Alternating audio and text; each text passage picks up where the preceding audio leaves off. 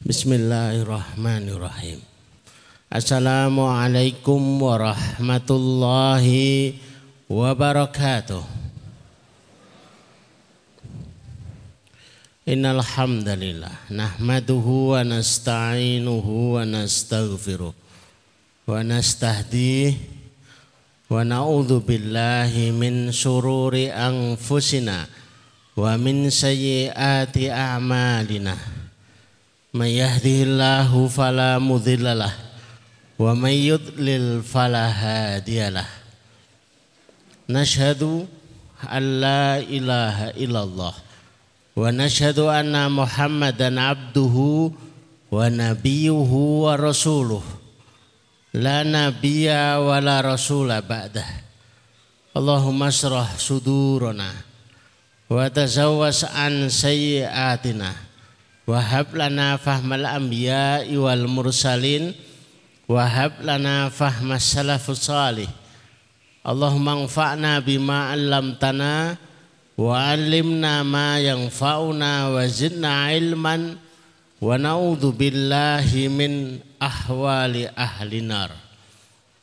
Rabbi shrah li sadri wa yassir li amri Wahlul uqdatam lisani yafqahu qawli Rabbi zidni ilma. Amma ba'd Bapak, Ibu dan jemaah sekalian yang semoga dirahmati Allah dan mudah-mudahan dicintai oleh Allah Subhanahu wa taala. Alhamdulillah pada kesempatan sore hari ini kita dimampukan untuk hadir pada kesempatan sore hari ini Tema yang kita ambil pada kesempatan sore hari ini adalah yang menarik itu belum tentu yang terbaik. Ini sekaligus jawaban dari setiap segala kekesalan, segala perasaan berat, jengkel terhadap apa yang ada hari ini. Ada kalanya kita berper, berpersepsi, memandang itu tidak baik, tidak pas, tidak cocok, tidak sesuai. Itu menurut kita. Tapi sesungguhnya sebaliknya itu yang terbaik bagi kita. Maka kaidah ini ditutup dengan sebuah kalimat Allahu ya'lamu wa antum la ta'lamun. Allah itu maha tahu. Sementara kalian itu sama sekali tidak tahu. Allah itu maha ngerti. Apa yang kita butuhkan lebih dari sekedar kita sendiri yang tahu. Maka oleh sebab itu berprasangka baik sebagaimana awal sebagai mukodimah itu disampaikan itu yang akan menutup segala kekurangan-kekurangan yang itu belum sesuai dengan hati kita. Belum sesuai dengan dohirnya yang kita inginkan. Ada kalanya secara fisik itu belum sesuai. Ada kalanya secara psikis itu juga belum sesuai. Tapi ini jawabannya. Wallahu ya'lamu wa antum la ta'lamun sekaligus itu adalah obat yang sangat sangat mujarab. Bagi mereka yang hari ini itu punya penyakit di dalam hatinya. Kalau sekarang itu istilahnya itu move on. Melupakan sulit.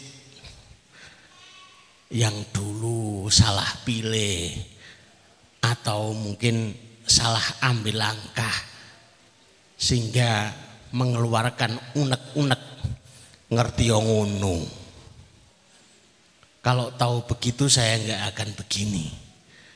Tidak menyesali apa yang sudah ada, tapi selalu berprasangka baik kepada Allah Subhanahu wa taala. Dalam sebuah perjalanan Lukmanul Hakim itu bersama putranya itu naik kendaraan niatnya itu adalah berkunjung kepada sebuah kota. Namun di tengah jalan Lukmanul Hakim ini tertusuk duri. Bentuknya tulang keledai. Tulang keledai. Tertusuk dari bawah kaki sampai punggung kaki. Lukmanul Hakim belum pernah bersedih sama sekali. Melebihi kesedihan hari itu. Padahal dia sudah dari awal sudah berpesan kepada anaknya, anakku, apa yang terjadi dari ini, pemberian Allah itu yang terbaik bagi kita. Tapi ternyata kejadiannya adalah tertusuk duri tulang keledai. Bukan hanya tulang, apa ini? Tulang-tulang duri yang menusuk biasa. Ini tulang yang tajam. Sehingga dari bawah telapak kaki tembus sampai di tulang di punggung mata kaki. Di punggung kaki. Sakitnya luar biasa. Akhirnya perjalanan ditunda beberapa, saat. Untuk ngobati, ngerawat luka yang ada pada Lukmanul Hakim itu makan waktu yang lama. Begitu selesai merawat, sudah siap dilanjutkan perjalanan, mereka bersiap melihat kota yang akan dituju. Ternyata kota itu sudah tidak ada lagi, sudah tidak ada wujudnya lagi. Kemudian datang malaikat memberikan informasi bahwa kota itu sudah dihancurkan oleh Allah satu jam yang lalu. Tertusuknya kaki. Itu sebuah musibah. Tapi sesungguhnya lawan katanya justru itu hikmahnya luar biasa. Itu sebagaimana seorang penjual tape di bawah pikulan rutenya harus melalui pematang sawah. Tidak taunya dia kepleset di pematang sawah. Jatuh ke sawah semuanya semua tapenya itu masuk di sawah sehingga tidak bisa dijual lagi. Awalnya itu berprasangka ini adalah kejadian buruk. Tapi kemudian ada orang lewat di pematang yang sama yang telah mendahulinya, nyelip. Begitu sampai di ujung pematang, orang ini kesambar petir. Rupa-rupanya Allah menakdirkan dia itu harus terjatuh, terpleset, masuk ke dalam sawah. Itu untuk dihindarkan dari malapetaka bentuknya adalah disambar petir. Awalnya pengen dia itu mencela, pengen ngresulo, tapi begitu tahu hikmahnya, ternyata itu adalah bentuk penyelamatan Allah yang luar biasa. Dan dalam kejadian hidup kita, kita akan ketemu hal ini sering banget. Sempat salah sangka. Ngertinya begini, ngertinya begitu, ternyata hikmahnya adalah sebuah kebaikan demi kebaikan yang bisa kita petik hikmahnya di kemudian hari. Sehingga kesimpulannya kita tidak tahu apa yang terjadi pada kita. Kita itu nggak tahu Sementara Allah lebih tahu. Sehingga kalau diperbuat oleh Allah, kita itu ridho terhadap apa pun yang diciptakan, yang diperbuat oleh Allah Azza wa Jalla. Itu sebagai inti persoalan. Tapi mari kita lihat slide-nya. Kalau gambarnya ini hanya pemanis saja ya.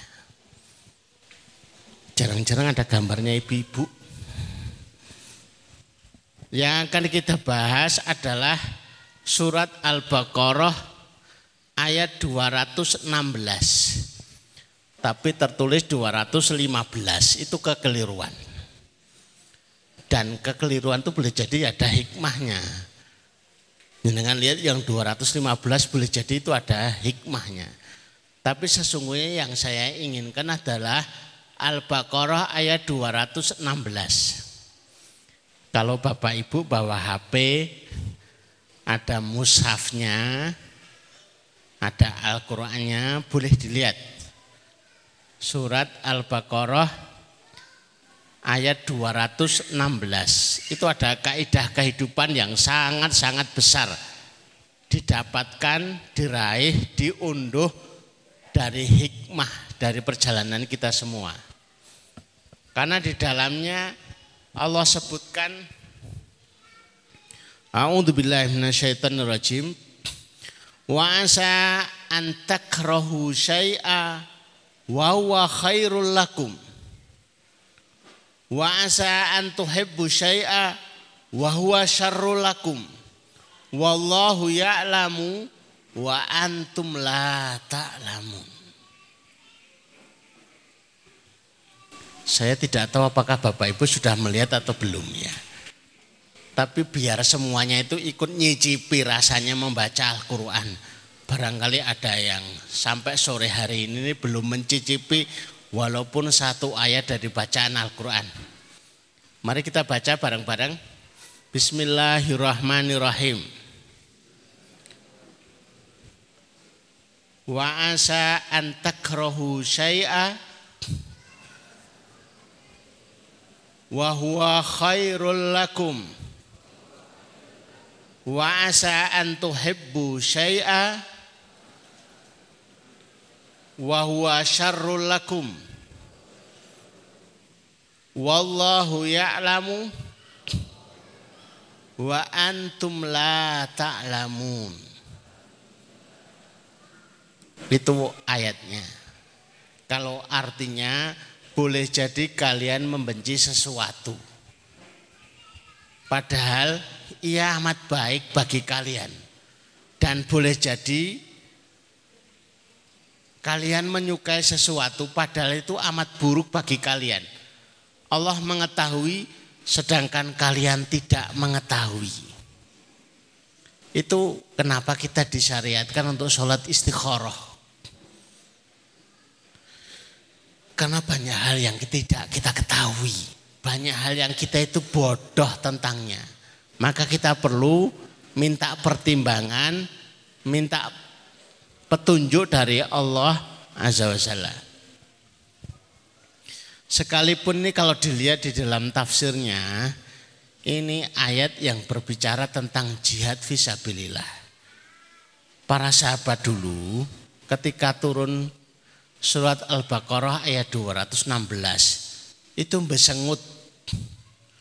Lah kok perang?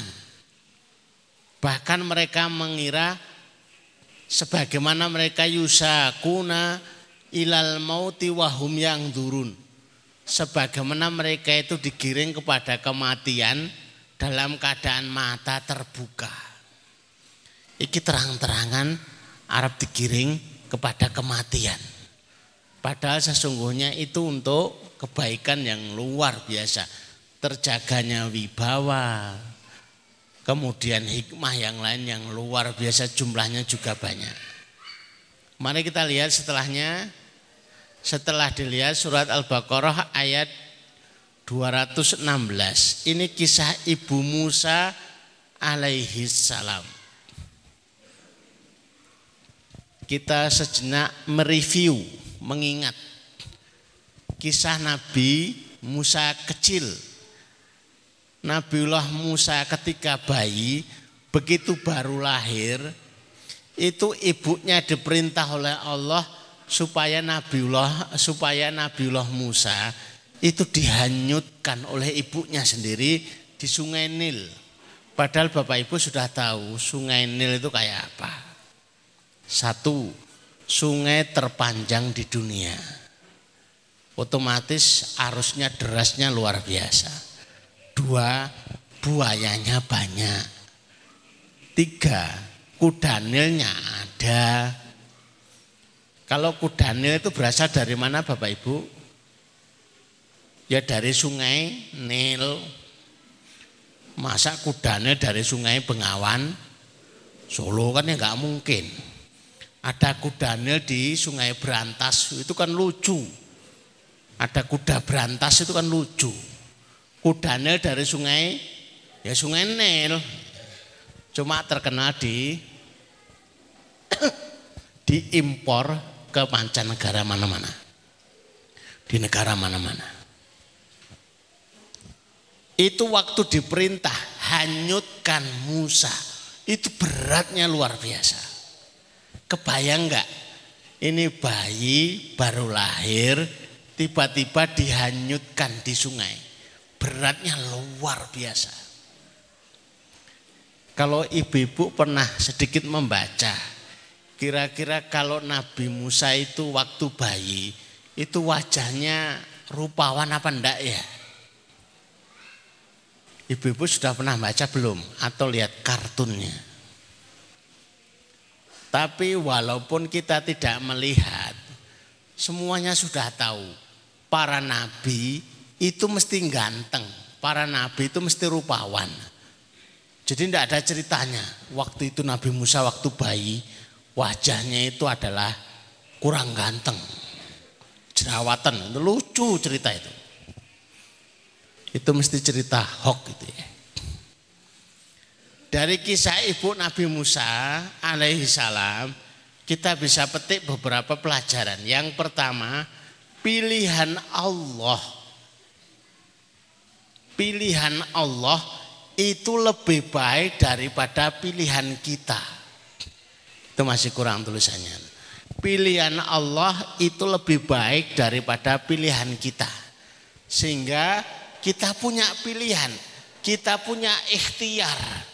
Tapi pilihan Allah itu yang terbaik.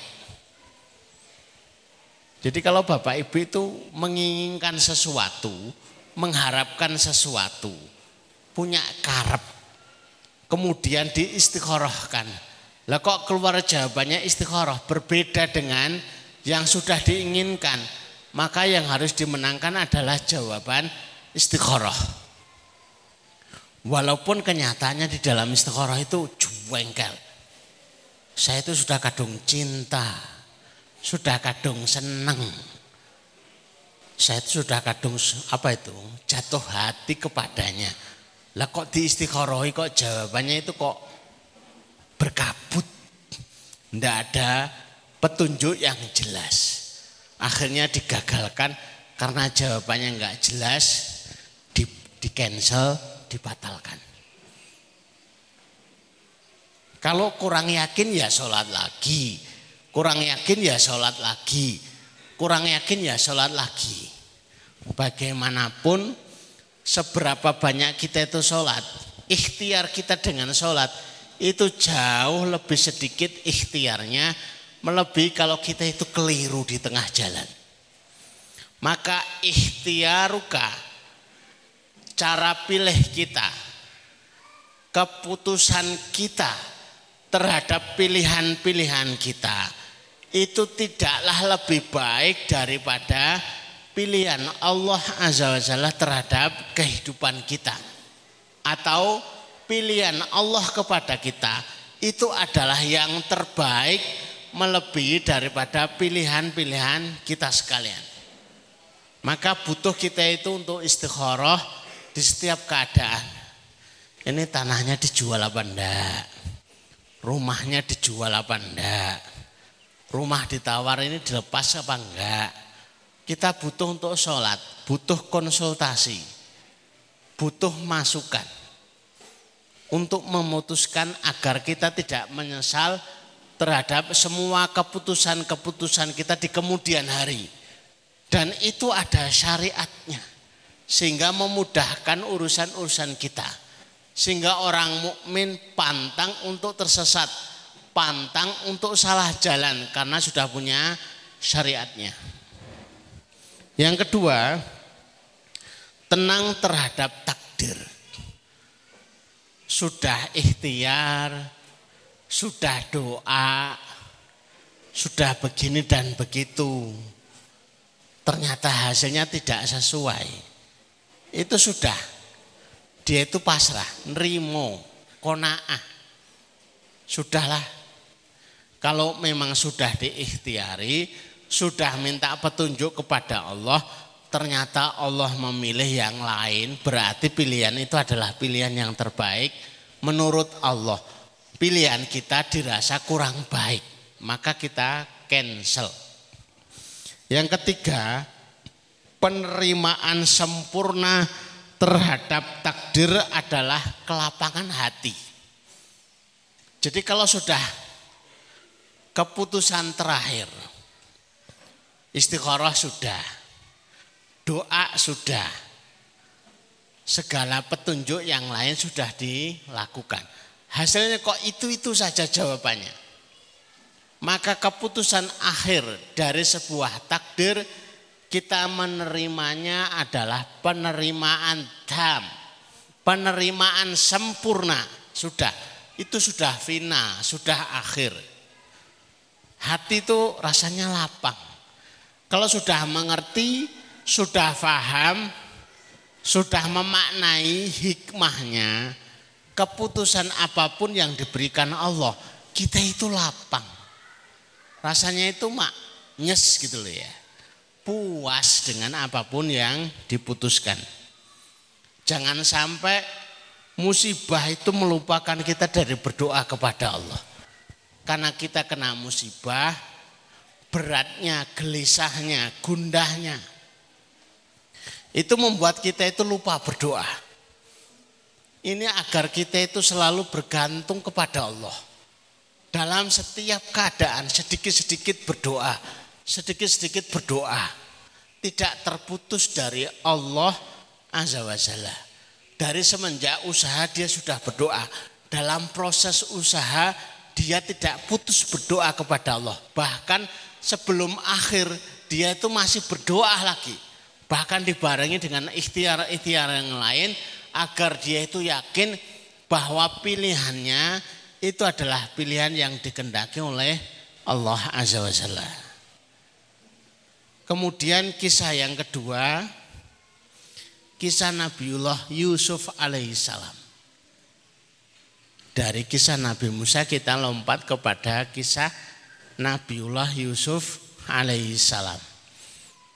Ini seorang nabi. Bukan hanya nabi. Nabi Yusuf itu putranya Nabi Yakub. Cucunya Nabi Ishak. Cicitnya Nabi Ibrahim. Itu kan keturunan para nabi. Itu saja itu tetap nasibnya, kehidupannya penuh dengan ya persoalan-persoalan.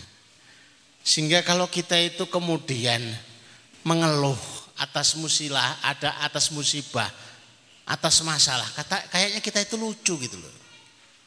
Nabi ya bukan, turunan nabi ya bukan, cucu nabi ya bukan. Tidak ada gelar Habibnya. Kalau Habib itu kan gelar keturunannya adalah karena nasab. Sementara kita karena nasib. Jadi ya, ya alasannya apa lagi yang mau kita cari? Wajar kalau misalkan kita itu garis takdirnya penuh dengan masalah. Kalau pernah sakit, doanya tertunda, masalahnya tidak tercapai. Yang diminta meleset itu biasa gitu loh. Oh, saya sudah ikut pengajian kok. Ternyata kok doanya masih meleset. Apa gara-gara saya itu doanya kurang mustajab atau gimana? Kalau sebagai muhasabah silahkan. Tapi yakin bahwa kita itu berprasangka yang terbaik kepada Allah Azza wa Jalla. Sementara Nabi itu lihatlah Nabiullah Yusuf alaihissalam. Keturunan para nabi. Dari bapak, kakek, buyut itu keturunan nabi semua. Saudaranya terkenal.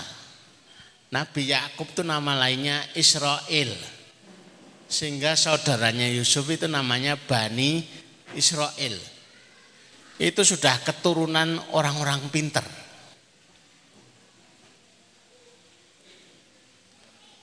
Nabiullah Ishak itu putra dari ibunda Sarah. Seorang wanita yang memiliki kecantikan seperenam dari wanita dunia. Jadi wanita di dunia dibandingkan Ibunda Saroh itu cantiknya masih cantik Ibunda Saroh. Jadi kalau keturunannya, cucunya itu ganteng kayak Nabiullah Yusuf ya wajar. Karena sudah dari gennya, sudah dari keturunan orang-orang yang dipilih, orang-orang yang cantik ataupun ganteng. Yang terjadi pada kita adalah yang terbaik. Nabiullah Yusuf itu dibuang di hutan. Dimasukkan ke dalam sumur tua. Eh, yang masukkan saudara-saudaranya sendiri. Lah kok tega? Saudaranya sendiri kok begitu? Yang jadi kadang-kadang tanda tanya kok bisa? Nabi kok enggak dijaga perjalanan hidupnya itu loh. Harusnya kan dalam penjagaan Allah. Ini kok Nabi kok nasibnya kok ngenes gitu loh. Dibuang, dimasukkan ke dalam sumur, ditemukan saudagar, dijual sebagai budak sahaya. Kok bisa nasibnya Nabi kok terlunta-lunta. Tapi memang ceritanya demikian. Mau dibaca di dalam surat Yusuf ya demikian, dibaca dalam tafsirnya juga demikian. Tidak masalah. Saya itu membaca ada 100 hikmah yang didapatkan dari cerita Nabiullah Yusuf. Saya tidak bisa menerangkan satu persatu karena ada 100 hikmah. Kalau diceritakan ya sampai dua hari lah. Kecuali panjenengan mau nginep di sini gitu loh ya. Salah satu hikmah yang besar yang didapat dari kisah Nabi Allah Yusuf alaihissalam. Itu adalah hidup dalam kehidupan istana. Kalau dari rakyat biasa harus mendakwahi seorang raja atau harus posisinya itu harus menguasai suatu wilayah. Alangkah beratnya. Sepintas nampaknya itu buruk ya. Dibuang, dijual jadi hamba saya, digoda istrinya perdana menteri. Sudah nabi, harus ujiannya digoda lagi. Tapi itu adalah hikmah agar dia itu hidup di dalam istana. Karena dia akan berdakwah kepada seorang raja. Berdakwah kepada seorang raja itu kalau bukan orang yang keturunan raja atau mentalnya mental raja. Itu sulit. Maka semua nabi itu yang harus berdakwah kepada raja. Itu harus melalui proses. Diperbaiki dulu proses mentalnya. Nabiullah Musa itu harus dihanyutkan di sungai. Ujung-ujungnya adalah untuk ditemu oleh istrinya Firaun supaya bisa hidup di dalam istana. Menjadi putra angkatnya Firaun. Sehingga punya mentalnya adalah mental pernah hidup di dalam kerajaan. Umpama harus berbicara, itu kendel gitu loh ngomong sama Fir'aun itu berani. Berhadapan dengan Fir'aun itu berani. Karena punya derajat yang sudah terlatih secara mental dari kecil tinggal di istana. Pun demikian Nabiullah Musa itu masih minta ditemani Harun. Haruna ahi. Harun itu saudara saya. Ya Allah angkatlah dia jadi nabi. Karena kalimatnya lebih fasih daripada Nabiullah Musa alaihi salam. Yang kedua, ridho kepada Allah adalah muasal karena kita ridho kepada Allah. Ridho kepada Allah itu muasal sebab Allah itu ridho kepada kita. Jangan mengira Allah ridho kepada kita. Itu mudah didapatkan.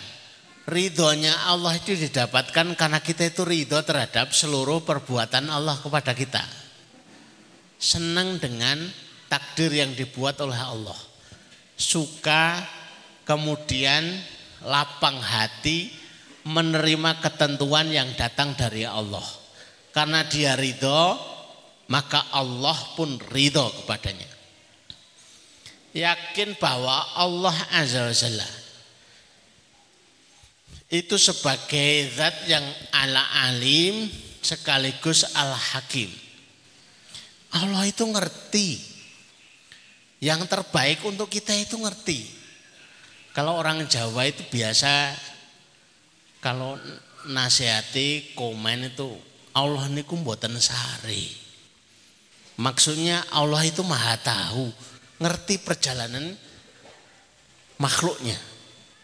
Ini yang disio-sio, ini yang didolimi, ini yang butuh diangkat derajatnya, ini yang butuh dimuliakan, ini yang butuh dihinakan. Allah maha tahu dan tidak akan keliru. Sekaligus Al-Hakim, maha bijaksana. Tidak akan keliru, salah pilih itu enggak. Maka maha bijaksana, maha ngerti maha tahu yang pas, yang sesuai. Kenapa kok dia berdoa itu selama satu minggu kok belum terjawab. Tapi justru terjawabnya setelah dua minggu. Yaitu karena al-hakimnya Allah. Maha bijaksananya Allah kepada kita. Boleh jadi kalau seminggu terkabul kita yang sombong. Ternyata dia doanya mustajab. Kemudian woro-woro siapa yang pengen didoakan maka mintalah doa kepada saya. Itu awalnya. Lama-lama besok pasang plang menerima jasa mendoakan. Kan repot. Malah larinya ke mana-mana. Dari situ kita juga tahu yang keempat. Bapak Ibu yang dirahmati Allah, kalau takdir itu sudah dibuat untuk kita, seakan-akan tidak ada kesempatan, tidak ada daya untuk melawan takdir Allah. Ternyata masih ada. Sehingga dalam hadis itu disebutkan la yukni khadarum min qadarillah. Tidak ada manfaat berhati-hati dari ketentuan takdir Allah. Kalau takdirnya itu harus tabrakan sudah naik motornya itu alon-alon asal kelakon. Bahkan di speedometer ditulisi seluman, selumun, selamat. Kecepatannya 10 km per jam. Alon, minggir. Kalau memang takdirnya kecelakaan, kecelakaan, justru karena dia pelan akan ditubruk dari belakang. Jengkel yang naik motor di belakang. Hmm, rantang cepet-cepet kalau takdirnya itu harus kepleset di kamar mandi, sekalipun jalannya itu dihitung. Kanan, kiri, hati-hati. Kanan, kiri, hati-hati. Diperhitungkan luar biasa. Kalau memang takdirnya harus kepleset, kepleset. Kehati-hatian tidak menyelamatkan dari takdir.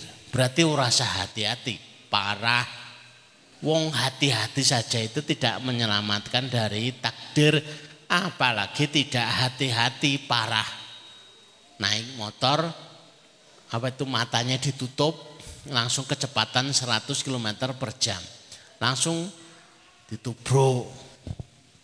Yang hati-hati saja itu tidak ada alasan untuk selamat. Apalagi yang tidak hati-hati parah. Parah kuadrat. Walakin doa akan tetapi doa yanfa'u mimma nazala wa mimma lam yunzil. Doa itu bermanfaat untuk yang sudah terjadi dan yang belum terjadi. Maka kalau ada kalimat yang bisa melawan takdir, maka kalimat itu adalah isinya doa yang sudah terjadi sebagaimana kalau tidak salah ingat, kami pernah cerita. Itu kepala PLN. Itu punya anak itu autis. Awalnya itu sempat negatif berpikirnya.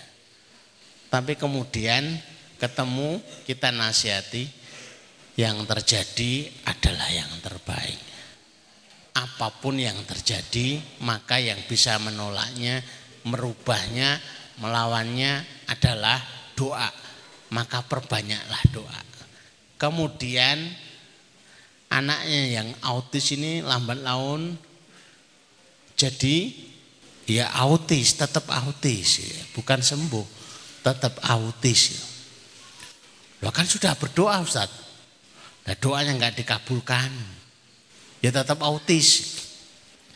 Tapi autis yang hafal Quran, bahkan dibolak-balik hafal ngelotok. Hafalannya lebih kuat daripada orang-orang normal.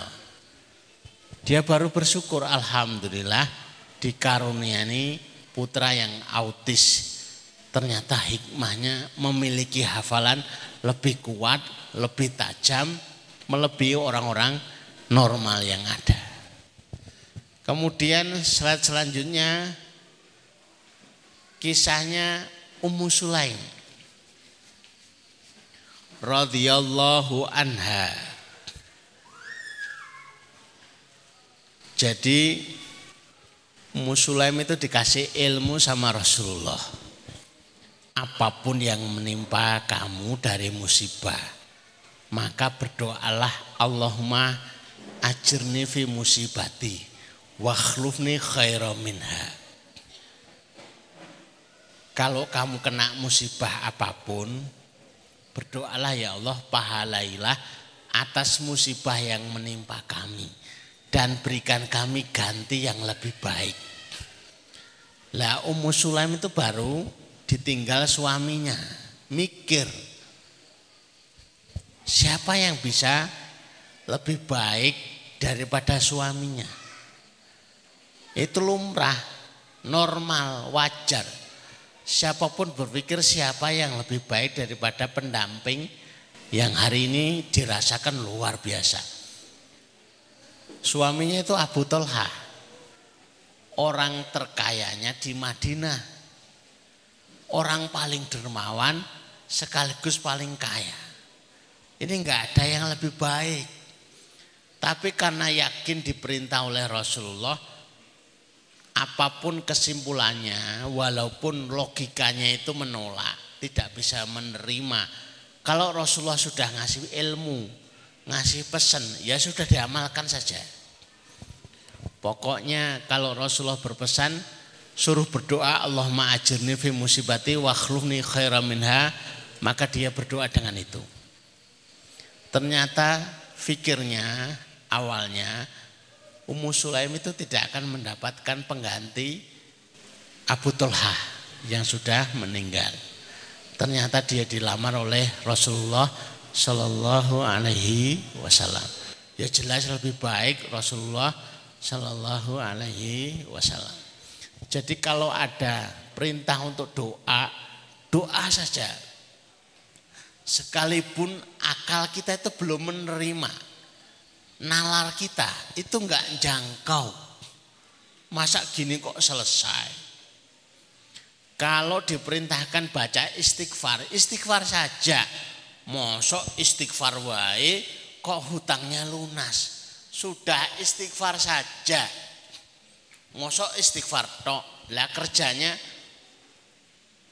disuruh kok ngeyel.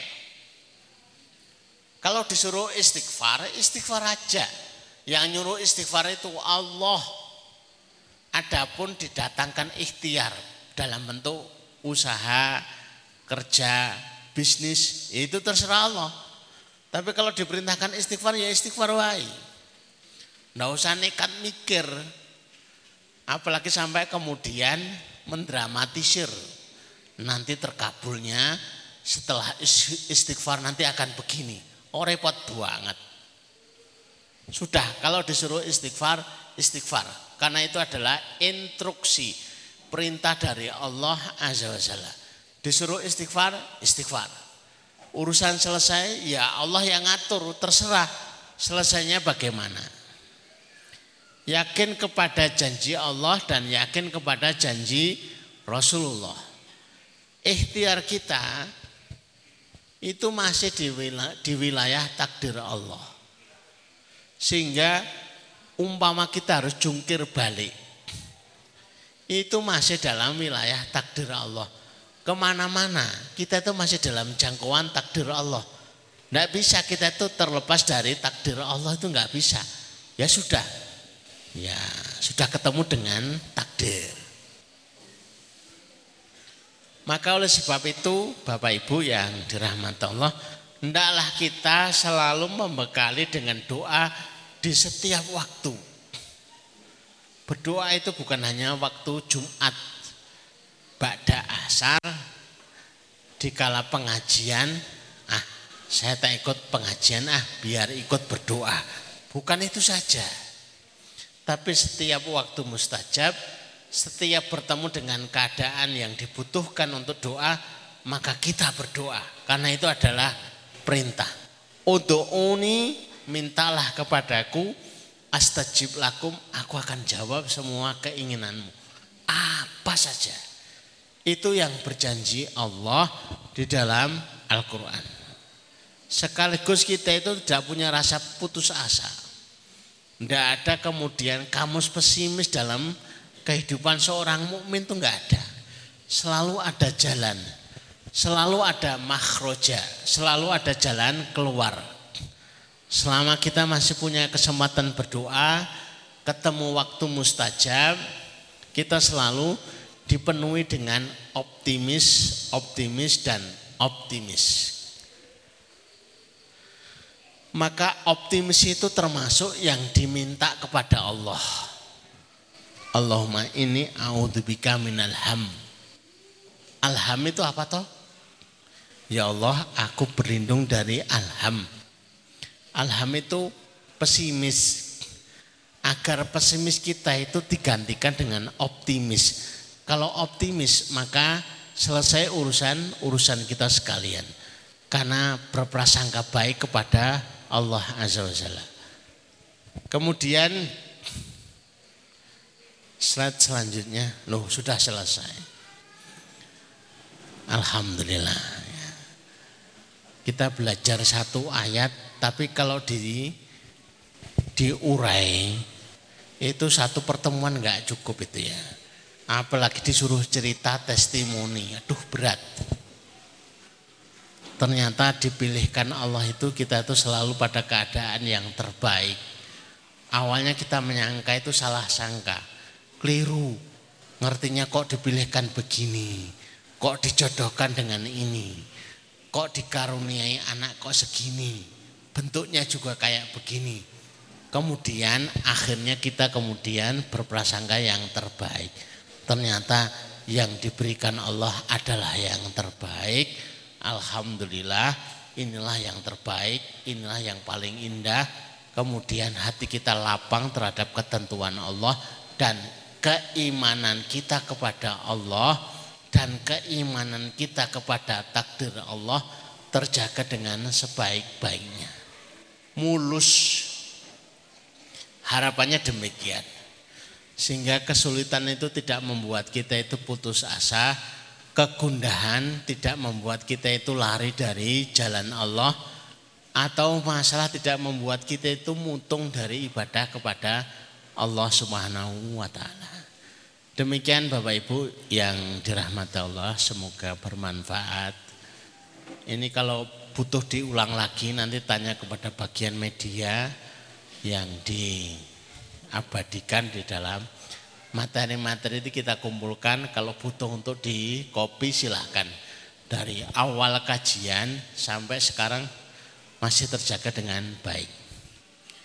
Mari Bapak Ibu yang dirahmati Allah kita tutup majelis kita dengan memohon kepada Allah.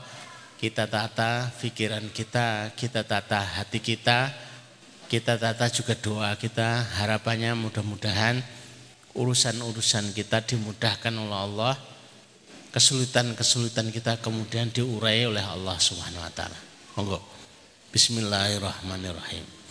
Allahumma shalli ala Muhammad wa ala ali Muhammad kama shallaita ala Ibrahim wa ala ali Ibrahim fil alamin innaka Hamidum Majid. Allahumma barik ala Muhammad wa ala ali Muhammad kama barakta ala Ibrahim. Wa ala ali Ibrahim fil alamin innaka Hamidum Majid. Walhamdulillahi rabbil alamin. Hamdan syakirin hamdan naimin hamdan ni'amawi kafi mazidah ya rabbana lakal hamdu kama yang bagi li jalali wajhika wa adimi sultanik. La ilaha illa anta subhanaka ini kuntu minadh la ilaha illa anta subhanaka ini kuntu minadh zalimin. La ilaha illa anta subhanaka ini kuntu minadh zalimin. Allahumma ya rahman ya rahim Ya Hayyu Ya Qayyum Ya Dal Jalali wal Ikram. Allahumma Ya Rahman Ya Rahim Ya Hayyu Ya Qayyum Ya Dal Jalali wal Ikram. Allahumma Ya Rahman Ya Rahim Ya Hayyu Ya Qayyum Ya Dal Jalali wal Ikram Allahumma inna nas'aluka min khairin ma sa'ala min nabiyyika Muhammad sallallahu alaihi wasallam. Wa na'udzubika min syarri ma sta'ada min nabiyyika Muhammad sallallahu alaihi wasallam. Antal musta'an alaikal balak wala haula wala quwata illa billah. Ya Allah sesungguhnya kami memohon seluruh kebaikan yang pernah diminta oleh Nabi kami sallallahu alaihi wasallam. Ya Allah sesungguhnya kami memohon perlindungan seluruh perlindungan yang pernah diminta oleh Nabi kami sallallahu alaihi wasallam ya Allah engkaulah tempat kami meminta engkaulah yang menyampaikan segala urusan La khawla wa la quwata illa billah. Allahumma inna nas'aluka amalan baron wa rizqan daron wa aisyan wa qaran. Ya Allah, anugerahkan kepada kami ya Allah amalan yang baik-baik, rezeki yang mengalir, kehidupan yang tenang, kehidupan yang tentram birahmatika ya arhamar rahimin. Allahumma kfina bihalalika an haramika wa agnina bifadlika aman siwaka ya Allah. Cukupkan kami dengan rezeki yang halal sehingga kami tidak butuh dan berselera kepada yang haram. Ya Allah kayakan kami dengan anugerahmu ya Allah sehingga kami tidak butuh kepada selainmu birahmatika ya arhamar rahimin. Allahumma tibham mana Allahumma mana Allahumma mana ya Allah hilangkan kesulitan-kesulitan kami Ya Allah angkatlah kegundahan-kegundahan kami. Ya Allah urailah problematika kami ya arhamar rahimin. Rabbana atina fid dunya hasanah wa fil akhirati hasanah wa qina adzabannar wa qina adzabannar wa qina adzabannar. Wa sallallahu ala Muhammadin wa ala alihi washabihi wasallam. Subhana rabbika rabbil izzati amma yasifun wa salamun alal mursalin. Walhamdulillahi Rabbil Alamin